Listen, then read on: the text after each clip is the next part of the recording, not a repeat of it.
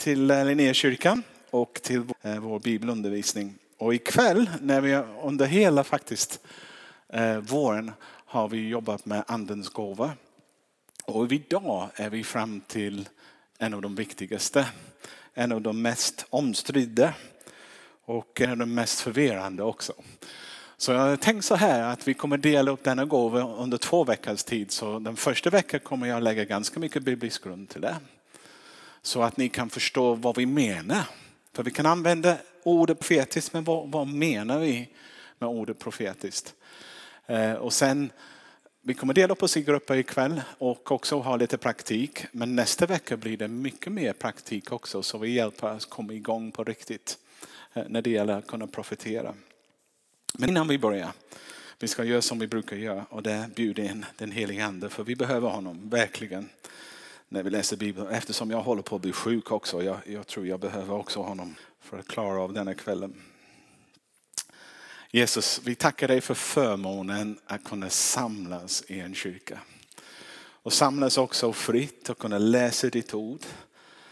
Och vi vet själv, vi kan inte tolka ditt ord, men om din heliga ande kommer och hjälper oss så kan vi förstå och tillämpa det. Så jag ber att du kom nu och öppna upp våra ögon och öppna upp våra hjärtan. Så vi förstår lite mer vad du tänkt när du gav denna gåva och när du erbjuder denna gåva för oss idag. Tack. Amen. Amen. Och ni ska verkligen veta att ni, ni är jättevälkomna hit. Och innan jag börjar säga ni som jobbar med alla korv och allt som ni har gjort, tack så mycket. Och kaféet, det skulle inte funka utan er. Okej. Okay. Tidigare har vi läst första Korinthierbrevet 12 och profetiens gåva nämns där. Men egentligen om man vill tänka profetiens gåva det är första Korinthierbrevet 14 som vi behöver läsa. Nu vi kommer ha det upp på skärmen och jag tänkte, ja, vi läser hela kapitlet så vi får lite mer av det. Och jag kan stå här och läsa och ni kan följa efter om ni vill. Intressant också, mitt i andens gåva i kapitel 12, det finns kapitel 13 som kommer efter som handlar om kärlek. Och bara så vi fattar, alla de andliga gåvor är bara uttryck för hur man uttrycker Guds kärlek. Om vi, om vi använder en, en andens gåva för att slå ner någon eller för att försöka skapa oss en plattform och sånt, vi är utanför den sammanhang som de ges. Och det är ingen slump att första Korinthierbrevet 13 är mitt i allt som handlar om andens gåva. Och kärleken är den viktigaste. Men vi ska gå om. Sträva efter kärleken men var också ivriga att få de andliga gåvorna. Framför allt profetiens gåva. Den som talar tungomål talar inte till människor utan till Gud. För ingen förstår honom. Han talar hemligheter i sin ande. Men den som profeterar talar till människor och ger uppbyggelse, uppmuntran och tröst. Jag vill att ni håller de tre ord ikväll. För de är nyckelord när vi ska använda denna gåva och tänka på den gåva. Uppbyggelse, uppmuntran och tröst. Den som talar tungomål bygger upp sig själv. Uh, nu får jag också säga, Mikael kapitel 14 också handlar lite om en polemik mellan tungotal och profetiens gåvor och lite sånt. För församlingen i Korint, de var galna. De gillade att ha samlingar där de bara talade tunga hela tiden och skrika och dansa, åt för mycket, var berusad, la i fel säng med fel kvinnor och sånt. Så det, den församlingen var verkligen en, en eh, uh, udda församling. Men uh, Paulus går till rätta med dem och han ger dem denna råd. Men den som profeterar bygger upp församlingen. Jag vill gärna att ni alla talar tungomål, men ännu hellre att ni profeterar. Den som profeterar är viktigare än den som talar i tungomål ifall han inte uttyder sitt tal så att församlingen blir uppbyggd. Bröder, tänk om jag kommer till er och talar tungomål. Vad hjälper det er? Ifall jag inte ger er någon uppenbarelse eller kunskap eller profetia eller undervisning. På samma sätt är det med livslösa instrument som ger ljud ifrån sig, till exempel flöjt eller harpa. Om det inte är någon skillnad mellan tonerna, hur ska man då kunna förstå vad som spelas? Och om en trumpet är en, ty, en otydlig signal, vem gör sig redo till strid? Så är det också med er. Om ni inte talar begripliga ord med era tunga, hur ska man då kunna förstå vad ni säger? Då talar ni ut i tomma luften. Hur många språk det än finns i världen så är ingen utan mening. Men om jag inte vet vad ljuden betyder blir jag en främling för dem som talar. Och den som talar blir en främling för mig. Så är det också med er eftersom ni är ivriga att få andens gåvor. Sök då sådana som bygger upp församling så att ni har dem i överflöd. Det var en nyckelvers också. Eftersom ni är ivriga att få andens gåvor, sök då sådana som bygger upp församling så att ni har dem i överflöd. Därför skall den som talar tungomål be om att kunna uttyda det. För om jag ber med tungomål så ber min ande, men mitt förstånd bär ingen frukt. Vad innebär ju detta? Jo, jag vill be i anden men jag vill också be med förståndet. Jag vill lovsjunga i anden men jag vill också lovsjunga med förståndet. Om du tackar Gud i anden, hur ska då den oinvigde kunna säga sitt amen till din tacksägelse? Han förstår ju inte vad du säger. Du gör rätt i att tacka Gud. Men de andra blir inte uppbyggd. Men de andra, den andra blir inte uppbyggd. Jag tackar Gud för att jag talar tungomål mer än någon av er. Men i församlingen vill jag hellre tala fem ord med mitt förstånd för att undervisa andra än tiotusen med tungomål. Bröder, var inte barn till förståndet. Nej, var barn i fråga om ondskan och vuxen till förståndet. Det står skrivet i lagen.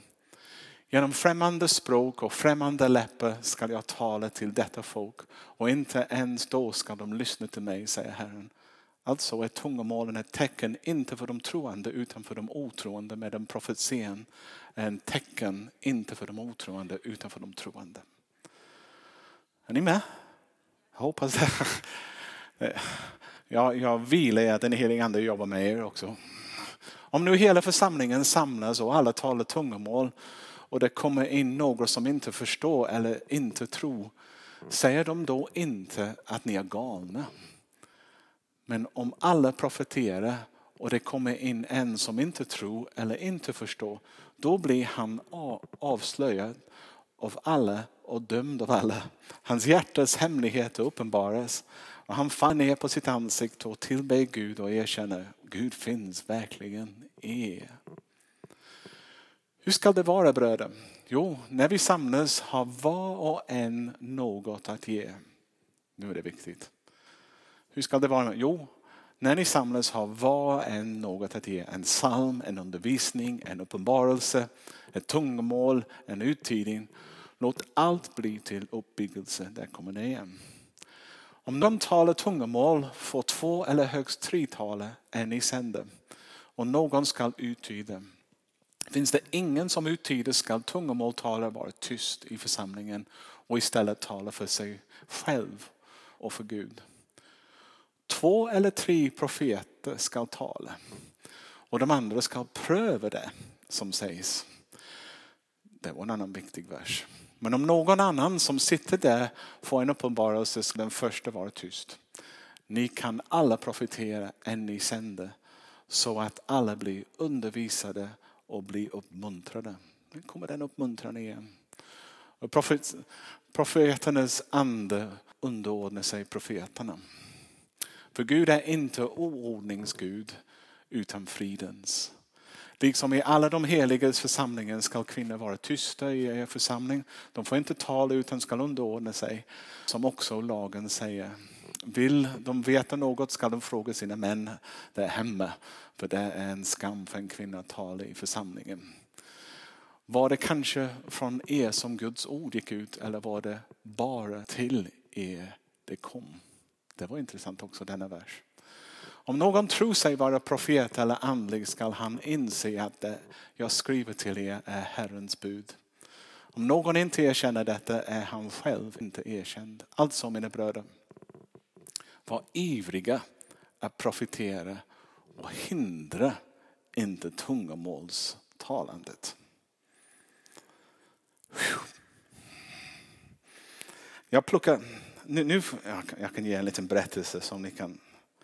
Min första riktigt möte med en profetia som verkligen var så pricksäkert var, jag satt i en hotellobby i Kanada och väntade för någon som skulle komma ner från sitt rum. Och in på lobby kom en man som var jättestor. Han såg ut lite grann som Hagrid i, i eh, Harry Potter. Jag vet inte om ni har sett det. Han är jättestor, skäggig. Hans skägg var otrimmat. Ja, lite sånt sådär. Han är jätte, jättestor. Och han sa någonting som, får jag sitta där vid dig? Och han hade ögon som stack ut lite sådär så man visste inte vilka ögon man ska titta på när man pratar med honom. Och sen han satt sig i soffan bredvid mig och sen han sa jag har ett ord för dig som jag tror Herren vill säga. Tänk på detta. Han säger, du är engelsman men du bor i Stockholm i Sverige. Du tidigare jobbat som brandman men nu är du pastor i en församling. Han började sen beskriva min tjänst. Och sen, jag skulle säga men först, han aldrig, jag har aldrig sett honom i mitt liv. Visste ingenting om honom. Och sen han sa så, jag hade haft det lite kämpigt. Och han sa till mig så här, du har kämpat det lite, men Gud är med dig. Och han vill att du vet att du är på helt rätt plats och gör rätt sak i rätt tid. Och jag blir som gummi. Jag kunde inte, jag, jag bara föll ihop. Han sa, får jag bara be för dig? Och han började be och så mycket uppmuntran in i min själ och sånt sådär. Och sen han sa, nu ska jag gå. Han stack. Aldrig sett honom sen dess heller. Det var bara han kom, talade så precis rakt in i mitt liv. Lyftade mig när jag behöver lyftades. Och påminde mig att jag var på rätt väg eller sånt och sen gick ut. Prata om en, en profetia som, som verkligen träffar rätt. Då hade han det. Jag försökte göra det själv några gånger och inte varit lika pricksäkert. Men eh, eh, flera gånger har jag inte vågat när jag skulle säga det. Men detta är vad vi pratar om idag. Vi pratar om en förmåga att höra Gud. Ta en nyans från honom och, och, och tala in i någons liv. Till uppmuntran, uppbyggelse och tröst.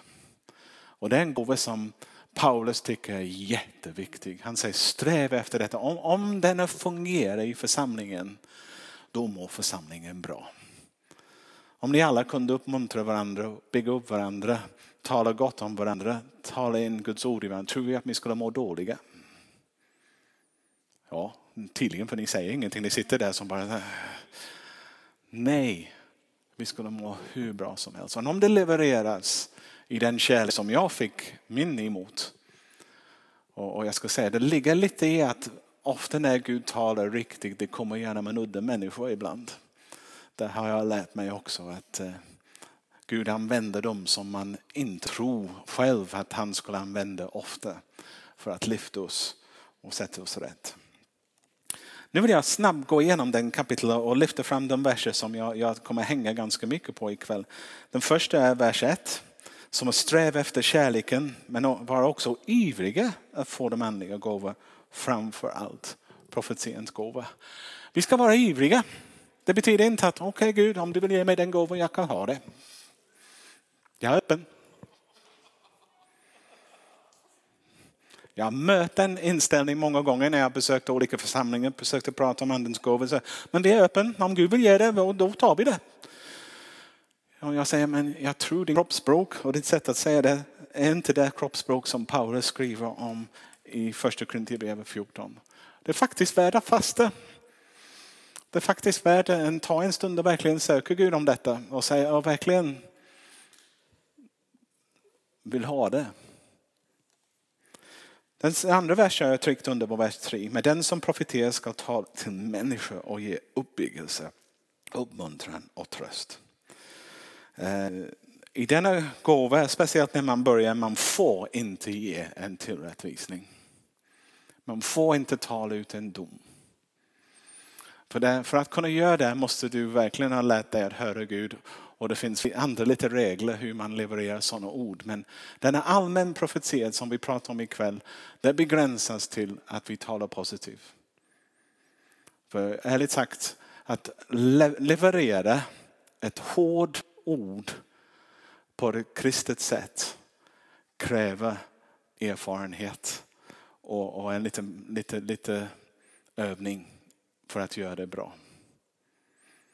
Eh, gör du det inte bra kan du skada väldigt mycket. Så vi håller oss till dem, uppbyggelse, uppmuntran och tröst. Sen den andra versen jag understrukit här är vers 12 som säger eftersom ni är ivriga får andens gåvor så sök då sådana som bygger upp församling så att ni har dem i överflöd. Men det handlar inte om att man kan Ja, men honom har någon som profiterar i, i vår församling. Denna gåva ska finnas i överflöd. Denna ska, det ska finnas så mycket uh, att det är inte brist på det i alla fall. Du får leta länge. Det, det ska finnas uh, liggande där hela tiden eller i bruk hela tiden för att bygga upp församlingen.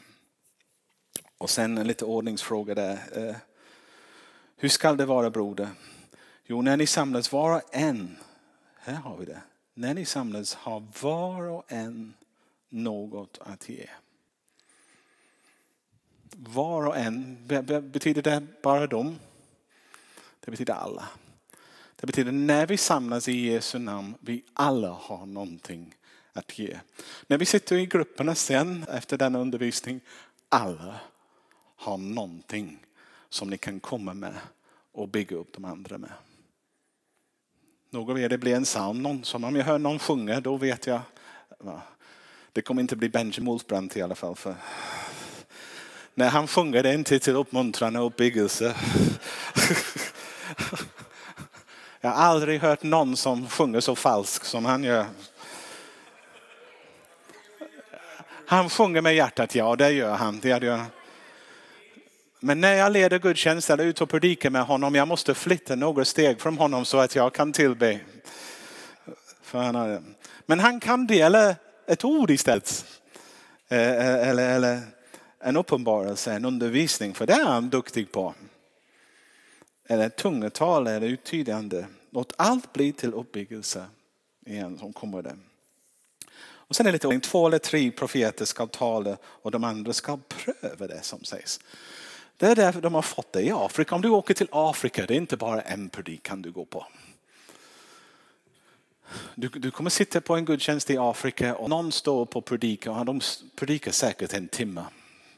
Och sen du tänker äntligen har han slutat. Och sen reser en till och gör likadan. Och sen när de har gjort det du tänker åh nu kan vi gå hem och det är varmt här inne eller få en kopp te eller dricka någonting. Sen kommer den tredje upp också. Om man tänker, åh, hur? Men de, de har försökt att tolka det på det sättet. Att det, det är ungefär hur en gudstjänst ska vara. Tre, tre, tre, tre predikningar, bang, rakt in. Och, och jag måste säga att det, det, krävs mycket nåd ibland när jag lyssnar. För jag tycker de säger massa samma sak hela tiden. Men det är jag. Förlåt, det var inte uppbyggande. det var inte uppmuntrande heller. Och där står det, två eller tre profeter ska ta och sen den andra ska pröva det som sägs. Det ligger en, en ansvar i församlingen att när folk säger någonting eller delar någonting, att det inte bara går ja. Och ni ska pröva det och när man prövar det, man ska pröva det med övriga skriftställen, vad Bibeln säger om andra saker så att ja, stämmer det eller inte? Är det en sann lära som har kommit eller inte? Så det ska prövas. Det ska inte bara ta sådär. Sen står det här, ni kan alla profetera. Ni kan alla profetera. Jag ska, hur, alla betyder bara, bara säg, det betyder att du kan profetera. Och du kan inte sitta där och tänka, men jag har aldrig gjort det. Jag ska säga att du kan göra det. Och med rätt uppmuntran och rätt förståelse kan du. Och sen Paulus förväntar sig att ni sänder så det blir så att allt blir undervisning, undervisande och allt blir till uppmuntran. Och sen sista har jag plockat fram, allt som mina bröder var ivriga profetera och hindra inte tungotal, tungomålstalande. Men låt allt ske värdigt och med ordning. Hur många var det för, för några veckor sedan när vi pratade om, när vi sjöng i tunga och sånt sådär? Hur många var här? Okej, så ni vet, det, det, jag sa till er att det kommer låta galet, eller hur? Jag sa till er att det kommer bli en utmaning för er att vara med när vi ska alla sjunga i tunga. Jag vet att jag kunde titta på ansiktet på er. Och ni, det, det, det kände inte precis bekväm, inte riktigt svensk att göra det. Men Paulus säger, hindra inte det. Det har sin plats. Tungomål är verkligen en gåva värt att ha. Men det är lite, mest är det verkligen för din egen uppbyggelse. Och, och, och, när det kommer ut i den offentliga då ska man ha en, en tolkning av det. Eller en uttydande av det. För att det ska bli bra. Och sen han säger försöka ha lite värdighet och ordning i samkomsten. Och om du läser på andra ställen i Korintierbrevet, församlingen i Korint, de saknade lite ordning. När det var nattvard, de alla, några sprang först och åt upp alla brödet. Så andra kom och hade ingenting.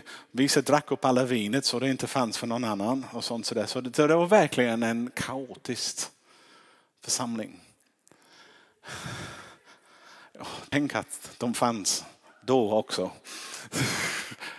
Men eh, han, jag tror att om Gud är med på något sätt, det finns öppenhet, det finns frihet men det också finns ordning.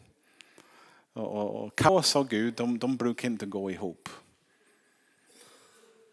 Ett sätt att veta om Gud, det finns, du, du kan ha roligt eh, och, och, och, verkligen det kan ha kul. Men den är kaotisk när en talar i munnen på det är lite, det är lite annat. Okej. Okay. Kan någon hämta lite glas vatten för mig för jag är så torr i munnen. Så, så är det Tack så mycket. Jag försökte göra en definition av vad, vad profetia är i Nya Testamentet. Och det kanske är lättare att börja säga det är inte att förutsäga framtiden först och främst. Inte att proklamera ett ord och säga så säger Herren. Eh, eller en mäktig, häftig förkunnelse, även om en förkunnelse är en bra illustration av vad profetia är för något. Men om vi säger ungefär så här, och jag satt där, jag vill berätta någonting som Gud spontant har lagt på mitt sinne eller påmint mig om. Då tror jag vi är närmare innebörden av vad det nya testamentet menar när vi pratar om profetia. Och en predikan är det. Det finns en skillnad mellan predikan och en undervisning. Om du skulle visa, har inte förstått det, då säger oh, jag älskar det när de lägger ut ordet på söndag. Men det är en undervisning för mig. Och det finns en skillnad, det finns en andlig gåva som är att undervisa. Det finns till och med en tjänst av det. Men en predikan är alltid, jag är en sån, jag lever på sånt. Jag söker ett ord från Herren. Och sen jag bygger någonting på det. Eh, och delar det. Och även om det ska stämma med ordet, eh, det ska inte gå i motsats till vad ordet säger. På något sätt är det en specifik tilltal för här och nu som Gud har gett mig att predika för er. Det är vad en predikan är jämfört med en, en föreläsning. Så Bibeln använder faktiskt samma ord för att predika som att profetera. Och det betyder att man har fått ett ord från Herren som man vill leverera för en specifik grupp av människor. För att bygga upp, uppmuntra och trösta. Tack så mycket Kent. Tack.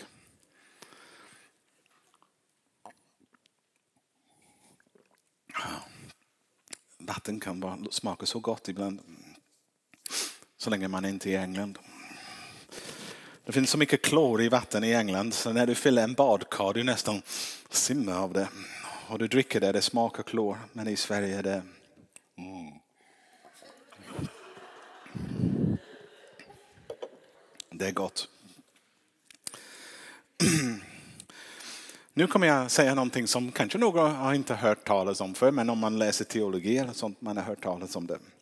Men eh, jag säger, Nya testamentets motsvarighet till Gamla testamentets profeter är Nya testamentets apostlar. Så du kan inte lyfta Gamla testamentets profeter och, och, och jämföra dem med Nya testamentets profeter. För den enda du kan jämföra en gammal testamentet profet med är en apostel. I Nya testamentet. Jag ska förklara vad jag menar där. Med detta. Eh, Gamla testamentets profet eh, hade en enormt ansvar eh, och de kunde tala ut Guds ord med auktoritet och säga så säger Herren. De säger när de talade, de talade Guds ord.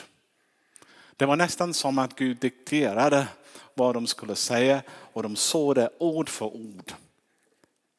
Och det faktiskt blir ordet. Och, och vi pratar om folk som Moses, Samuel, Jesaja, Jeremia och så som har skrivit och gett oss den gamla testamentet. Har skrivit av de profeterna. Som har talat Guds orubbliga ord. Eh, och jag säger, de formulerar faktiskt Guds ord och blir nedskriven och det har blivit Guds ord för oss. Och man kan Läser första Mosebok, fjärde Moseboken 22, 38 står det. Bilim, han var profet, svarade Balak som ville att han profeterade någonting annat. Han sa, se jag har nu kommit till dig, men kan jag överhuvudtaget säga något? Vad Gud lägger i min mun, det måste jag säga. Och det är ungefär sammanfatta den gamla profetens tjänst. De kunde inte säga någonting annat. Och femte Moseboken 18, om jag har det. Jag ska låta en profet lik dig uppstå bland dessa bröder.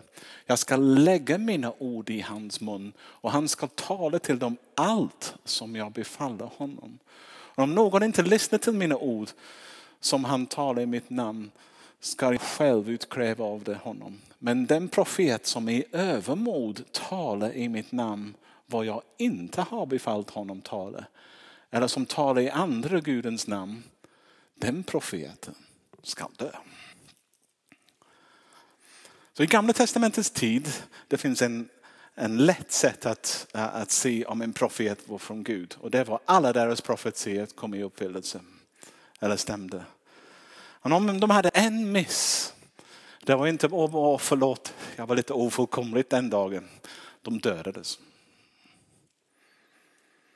Du betalade med ditt liv om du gjorde en misstag. Eller om du inte var trogen av det. Och Gud skulle till och med ta livet av dig om du inte gjorde det. Så, så profetera i det gamla testamentet, skriva Guds ord var ingenting som man tog med en klackspark. Det var en väldigt allvarlig eh, eh, händelse. Nu I Nya Testamentet finns det också människor som talar och skriver ner Guds ord. Men de kallas inte för profeter. Istället hittar vi ett nytt ord för att beskriva dem och de kallas för apostlar. Det är aposteln som har skrivit Mattias, Markus, Lukas, Johannes, Paulus. Sånt. Det är de som har skrivit vår Nya Testamentet. Det är de som har talat under den heliga andes påverkan på ett sådant sätt att det är nedskrivet som Guds trofast ord. Och då motsvarar det, och några bibelverser så att ni Eh, det är de som hade auktoritet precis som gamla testamentets profet också. Så om jag läser första Korinthierbrevet 2, vad står det där? Därför kunde vi också, inte med ord som mänsklig visdom lär oss, utan med ord som anden lär oss när vi förklarar andliga ting med andliga ord. Eller Galaterbrevet 1 och 8 till 12.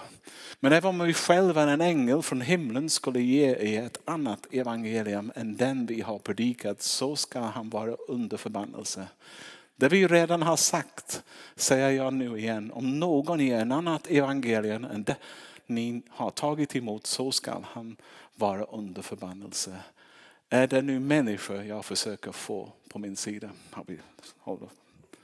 Eller Gud? Eller söker jag människors gillande? Hade jag förtroende, fortfarande sökt människors gillande skulle jag inte vara Kristi tjänare. Jag vill göra klart för er bröder att evangeliet som jag har predikat inte kommer från människor. Jag har inte fått det eller lärt mig det någon människa. Säger Paulus. Och det fanns andra ord, man kan Thessalonika Första Thessaloniker 2.13 också. Vi tar det. Därför tackar vi alltid Gud för att ni tog emot Guds ord som vi predikade och tog det till er. Inte som människors ord utan så som det verkligen är. Guds ord som är verksam i er som tror. Okej, okay.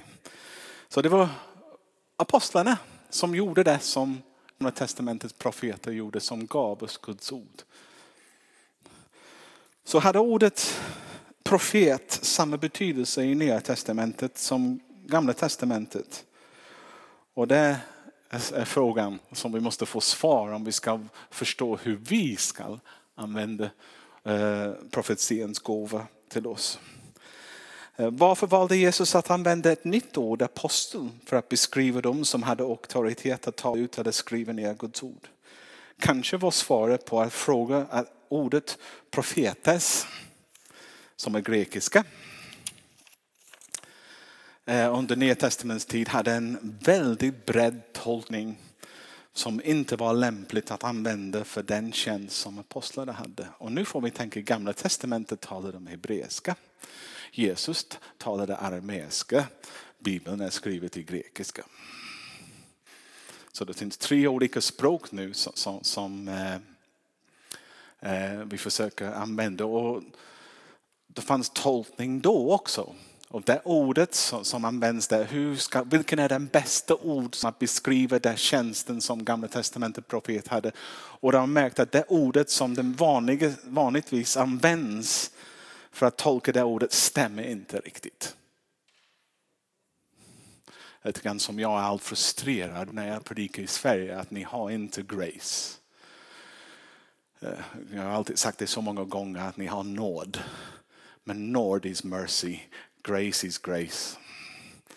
Två olika saker som tolkas. Jag tänker, ah, Sverige har inte den, en av de viktigaste ord i Bibeln. Sverige har inte. Och de säger barmhärtighet, men det är inte barmhärtighet. Jag har sagt om jag kör för fort i min motorcykel och en polis stoppar mig och säger att du har brutit lagen.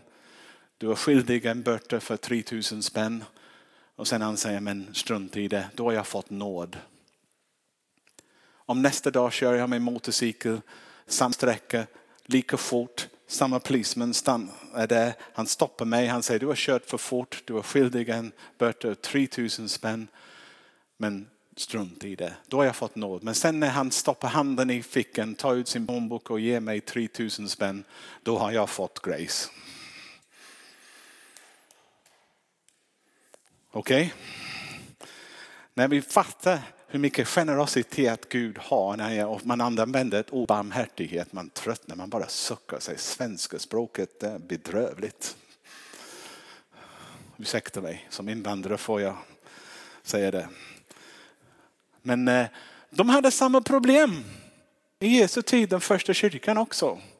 Eh, att eh, översättning av olika ord, hur, hur ska jag använda, vilket, vilket ord ska jag använda? Och Jesus valde apostlar istället för profet för, för att beskriva dem som talar med auktoritet och skriver med Guds ofallbara ord.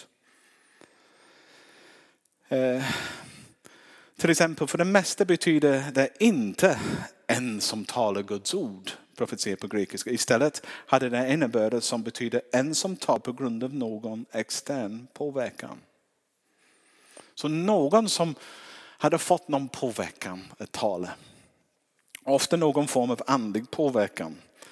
Och det, eftersom det var en sekulär ord, det betyder inte att det var den heliga ande ibland, men folk sa att ja, de, de profeterade, det betyder att de fick någon övernaturligt i alla fall input att tala på något sätt. Eh, Paulus använder detta sätt i, i Titus 1.12, kan vi läsa den? Jag håller min tjänste, Jenny får jobba hårt. En av deras egna, en profet har sagt vad säger jag, kreternas ljuger jämt. De är vilddjur, gulpska och lata. Kanske ah, Lukas 22, 64 kanske den bästa. Vi tar det istället. De täckte honom. Det är nu när Jesus, när, när de hade fångat tagit honom vid påsk.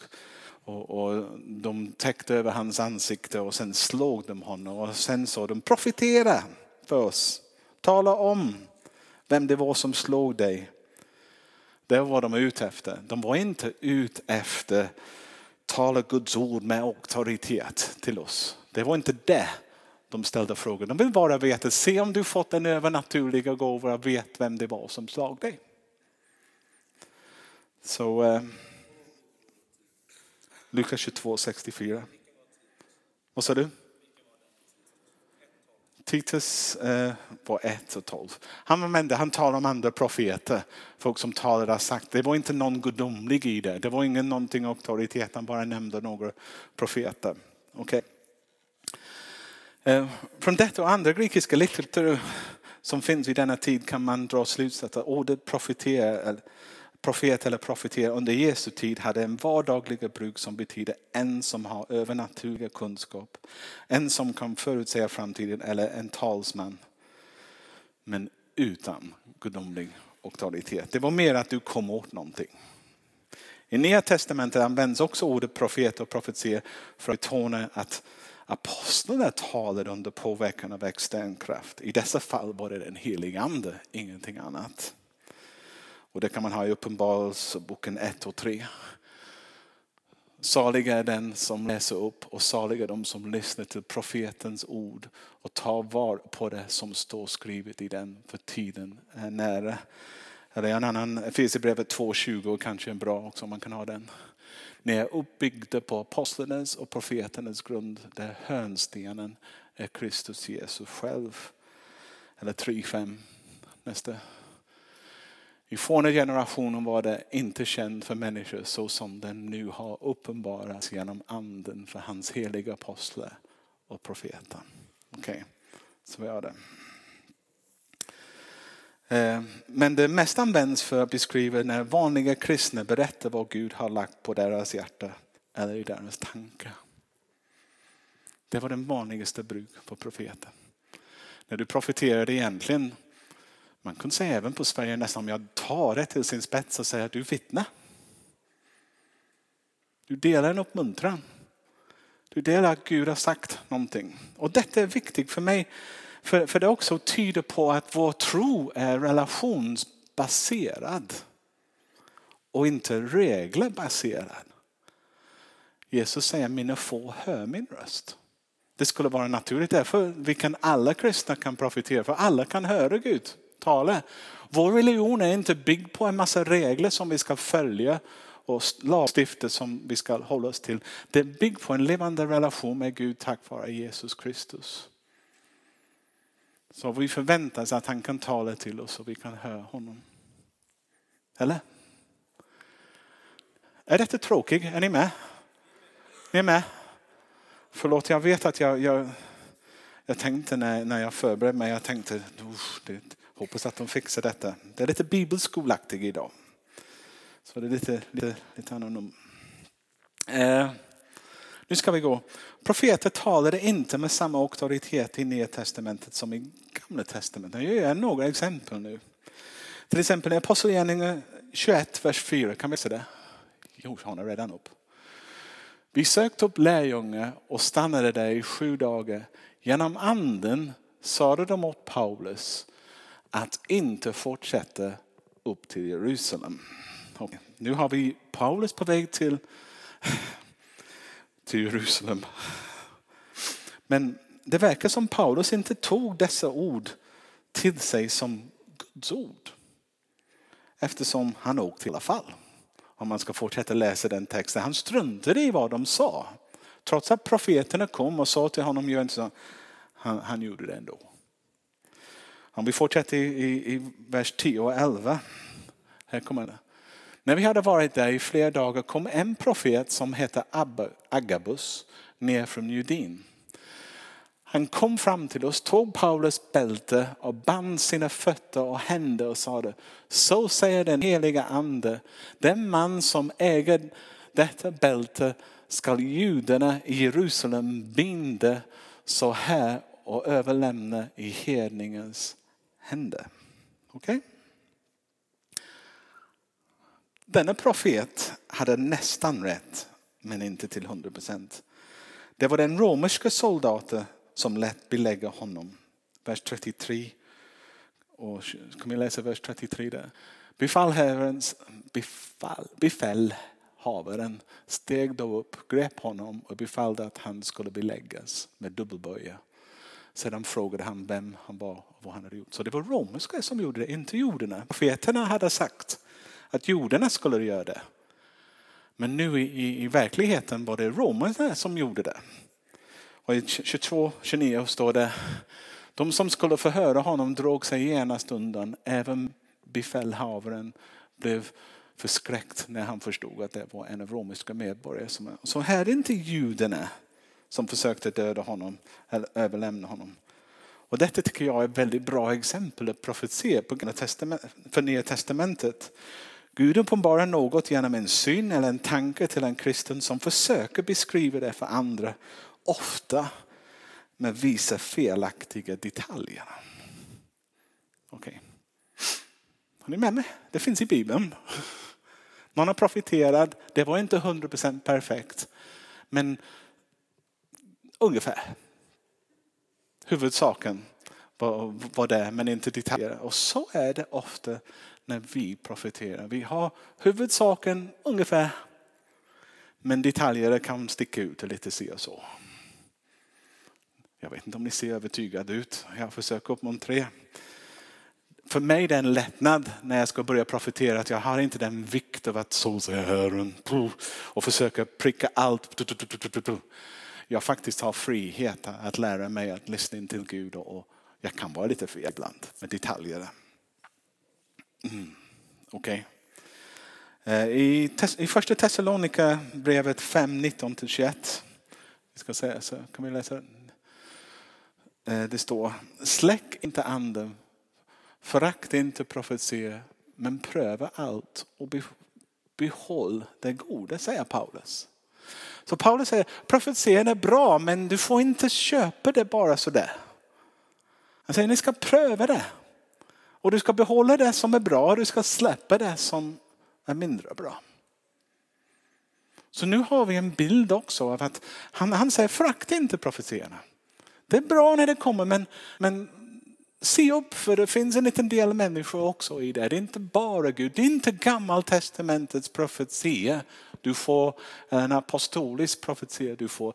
Det är människor som försöker höra vad Gud säger i sin tanke och förmedla det till andra. Är vi okej? Okay? Första Korinthierbrevet 14.29. Vad står det där? Två eller tre profeter ska tala och de andra ska pröva det som sägs. Tänk om Jeremia skulle ha sagt detta. Nej, han visste att Guds ord och hans ord var samma sak. Men det gäller inte i Nya Testamentet. I första Korinthierbrevet 14.36 var det kanske från er som Guds ord gick ut eller var det bara till er det kom? Och det, nu är det viktigt. Nu han säger till er, det är inte ni som har talat Guds ord. Guds ord har talats till er. Det är inte ni som talar Guds ord. Ni tar emot det. Uff. Tänk om vi skulle fatta det. Jag har skrivit det. Paulus påminner de kristna i Korint att de inte talade Guds ord även om de profeterade.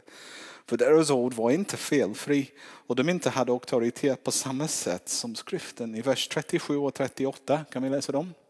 Om någon tar, tror sig vara profet eller andlig skall han inse att det jag skriver till er är Herrens bud. Om någon inte erkänner detta är han själv inte erkänd. Det gör det klart för Paulus för dem att det var apostlarna som hade auktoritet, inte de som talade Guds ord. Jag har hört folk kritisera mig som karismatisk kristen och säga ni profiterar, ni fattar inte att ni kan inte göra det, kanonen, bibeln är stängt. Och jag säger men det är inte det vad profetian handlar om. Vi försöker inte lägga till bibeln eller lägga till ordet, skriften. Det är inte det som profetian är. Och de tittar på mig och säger vad konstig gubbe du är. Men det är livsfarligt att bara översätta gamla testamentets profeter till nya testamentets profeter. Annars det blir galet. Eh, eh, inte nog. Innan de dog utmanade apostlar alla kristna att ha sin grund i skriften. Andra Timoteus 2.15.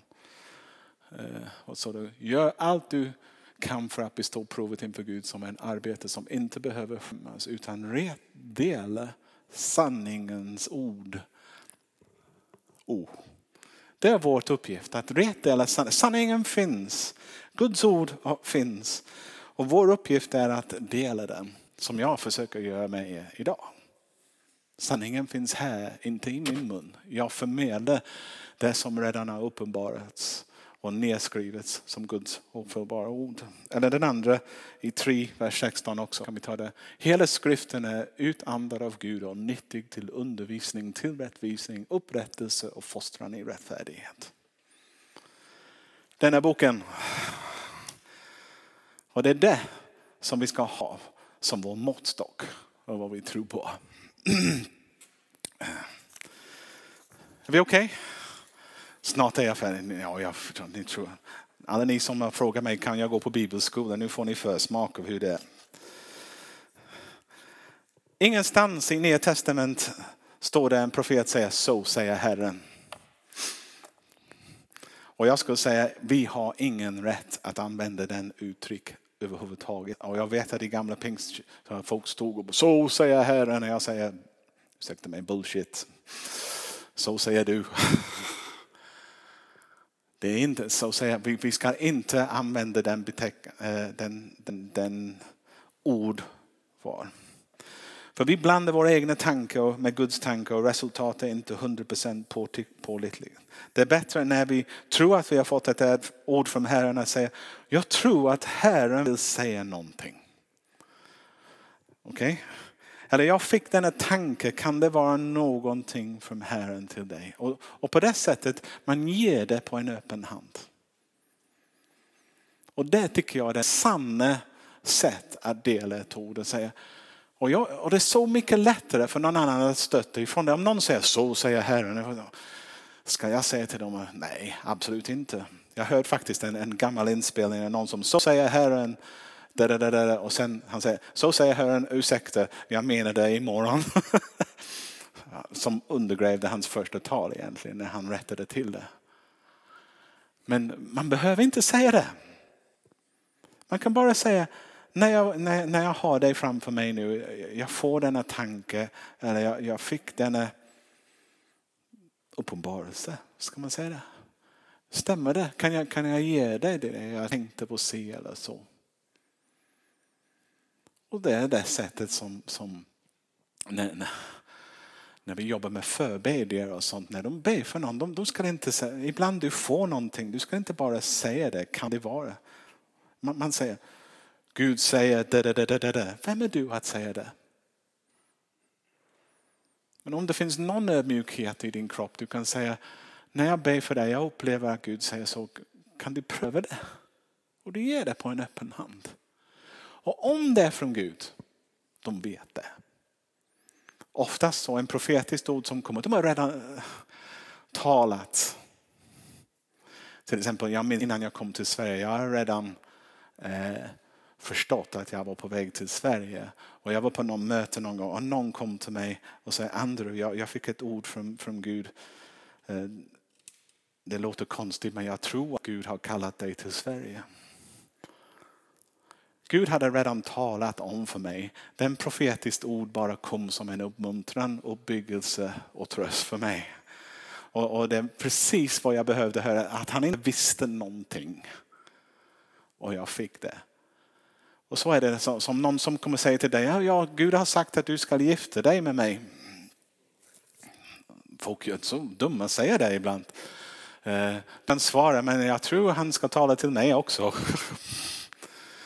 Jag tror att han, eh, för om det är från Gud, han skulle förmodligen talat om för dig också. Det kommer som en bekräftelse, en uppmuntran som hjälper dig gå vidare. Nu Pyme springer runt omkring, det betyder att jag pratar för länge. Mm. Men, eh, men lägger det på en öppen hand. Och sen genom att det handlar om spontan uppenbarelse skiljer sig profetiens gåvor från, den andra, från, från de andra gåvor. I första Korinthierbrevet 14, 30-31. Första Korinthierbrevet 14. Men om någon annan som sitter där får en uppenbarelse skall den första vara tyst. Ni kan alla profetera en i sänder så att alla blir undervisade och alla blir uppmuntrade. Paulus använder ordet uppenbarelse för att beskriva hur man tar emot ett budskap från Gud som man sen formulerar med egna ord och talar ut. Så du har fått en uppenbarelse, en tanke och sen måste du i din tur försöka tolka det och förmedla på ett sätt som den andra kan förstå. Det är klart när man går igenom den processen där finns det utrymme för att missa detaljer eh, eller gå. Så det går. Men jag, sen säger alla har ni möjlighet att profetera. Och det är för mig den bevis, den relation. Om du är kristen, du, du har den heliga ande i dig. Gud talar in i ditt hjärta. Gud talar, det är bara att använda samma sak och förmedla det vidare. Så stort är det inte. Okej. Okay. Gud ger var och en av oss en uppenbarelse eller tanke som ger insikt i ett givet sammanhang. Det kan vara en tecken för de otroende eller tilltal rakt i deras hjärta. Förra gången jag berättade för dig när jag var på färjan, i, i, på väg till Sverige, när jag, jag såg till den här kvinnan om hennes gungstol. Det var verkligen en ingång i hennes hjärta. Jag har också bad för en man en gång i tiden. Jag sa, jag får en kvinnas namn. Han var väldigt tyst efter det. Och, jag sa, och sen han faktiskt erkände det för mig. Förlåt. Ja. Han, han, han, han var otrogen med en annan kvinna än sin fru. Jag fick hennes namn. Och eh, han faktiskt om, ångrade sig, han bad om förlåtelse. Och jag tror det var efter jag sa att Gud kommer ta hans liv.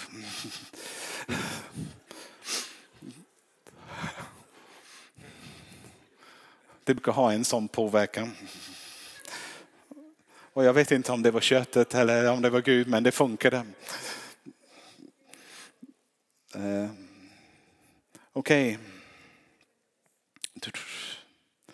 Snabbt nu, jag har bara några punkter kvar sen bryter vi. Skillnaden mellan profetia och undervisning.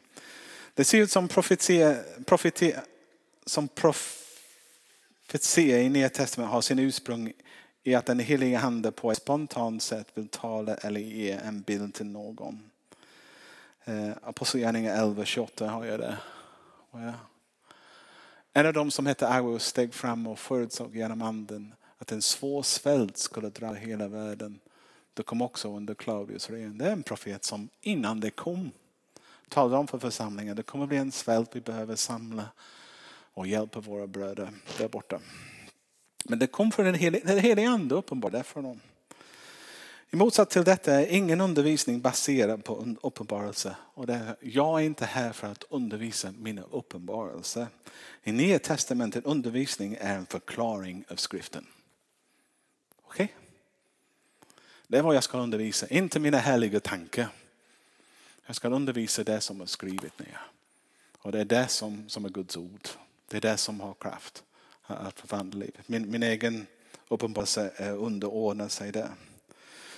Och profetia måste alltid underordna sig skriften. När vi prövar en profetia gör vi det genom att jämföra med vad skriften säger och vad, vad andra säger. Hur är det? Stämmer det? Att kunna profetera kräver ibland att man väntar in Herren. Att man kan avgöra vad som är från honom och vad som kommer från dig själv. Det är viktigt också att vi låter oss vara styrd. Inte låter oss vara styrd av den subjektiva. Till exempel när det handlar om vägledning. Profet, profetia är ofta en bekräftelse av vad man redan vet. Jag läser ingen bibelord med det. Jag har ingen skrivit upp än i alla fall. Men vad jag, vad jag menar med detta är att eh, vi ska inte hålla oss i den subjektiva för mycket. Den finns, vi kan inte undvika det. Men vår grund är inte den subjektiva. Vår grund är det som är nedskrivet och vad Gud har uppenbarat för oss. Det är vår grund. Den subjektiva kan vara upp och ner lite också. Och, så vi all, och sist har jag skrivit vi bör sträva efter att profitera. Paulus säger detta till en församling som verkar vara omogen, självisk, splittrad och har många problem. Församlingen måste inte bli perfekt först. Jag tycker det är starkt. Paulus säger, jag önskar att ni alla profeterade och jag skulle tänka lite stabilitet i denna församling innan jag uppmuntrar den gåvan. Men inte Paulus.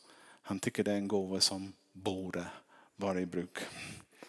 Eh, och vi bibeltroende säger att vi lever ordet. Då borde vi också söka denna gåva. Jag tror att många av oss redan har förmedlat profetia utan att vara medvetna om det. Vågar vi låta Gud forma oss vidare i detta är min fråga som jag vill avsluta med. Okej. Okay. Mer vatten.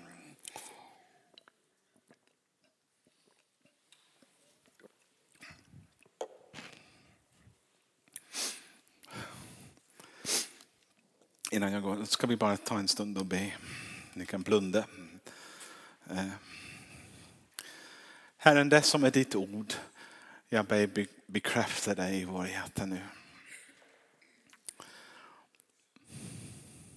Och jag ber för mina vänner som här som har suttit och lyssnat till allt detta. Jag ber att du låter sanningen fastna och lögnen försvinna. Jag ber att du, du ger dem också en frimodighet. Att tala ut det du säger till dem. Och jag ber att varenda en av oss ska vara flytig när vi profeterar. När vi tar, delar med andra det som du uppenbarar för oss. I Jesu namn. Amen. Amen.